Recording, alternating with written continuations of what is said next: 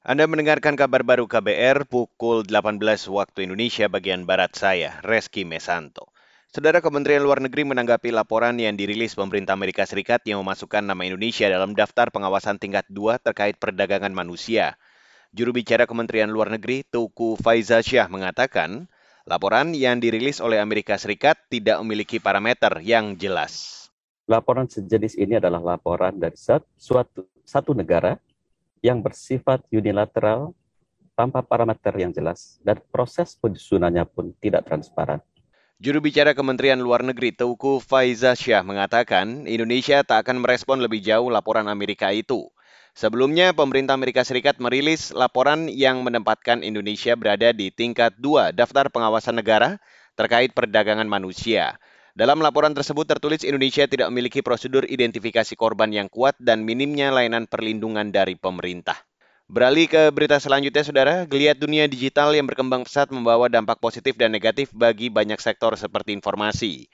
Namun Menteri Komunikasi dan Informatika Jody G. Plate mengatakan hal tersebut harus diimbangi dengan literasi.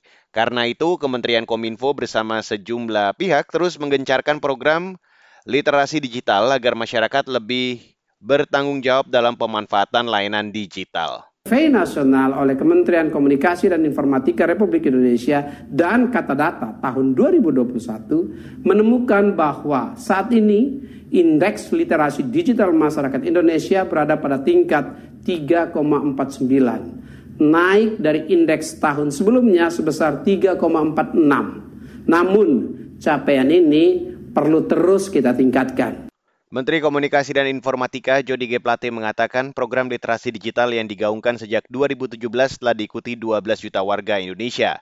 Tahun ini Kominfo akan kembali mengadakan pelatihan untuk 5,5 juta masyarakat dari berbagai daerah.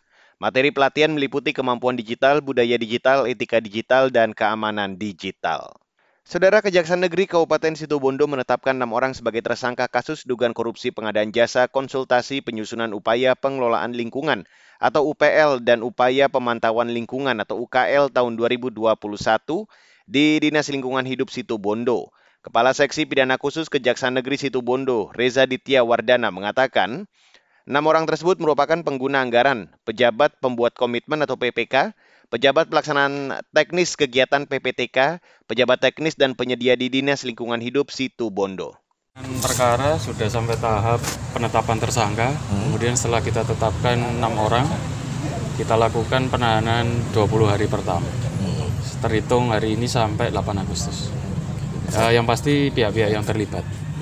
Dugaan tindak pidana korupsi UKL UPL, uh, PA, PPK, PPTK, dan pejabat teknis dan penyedia.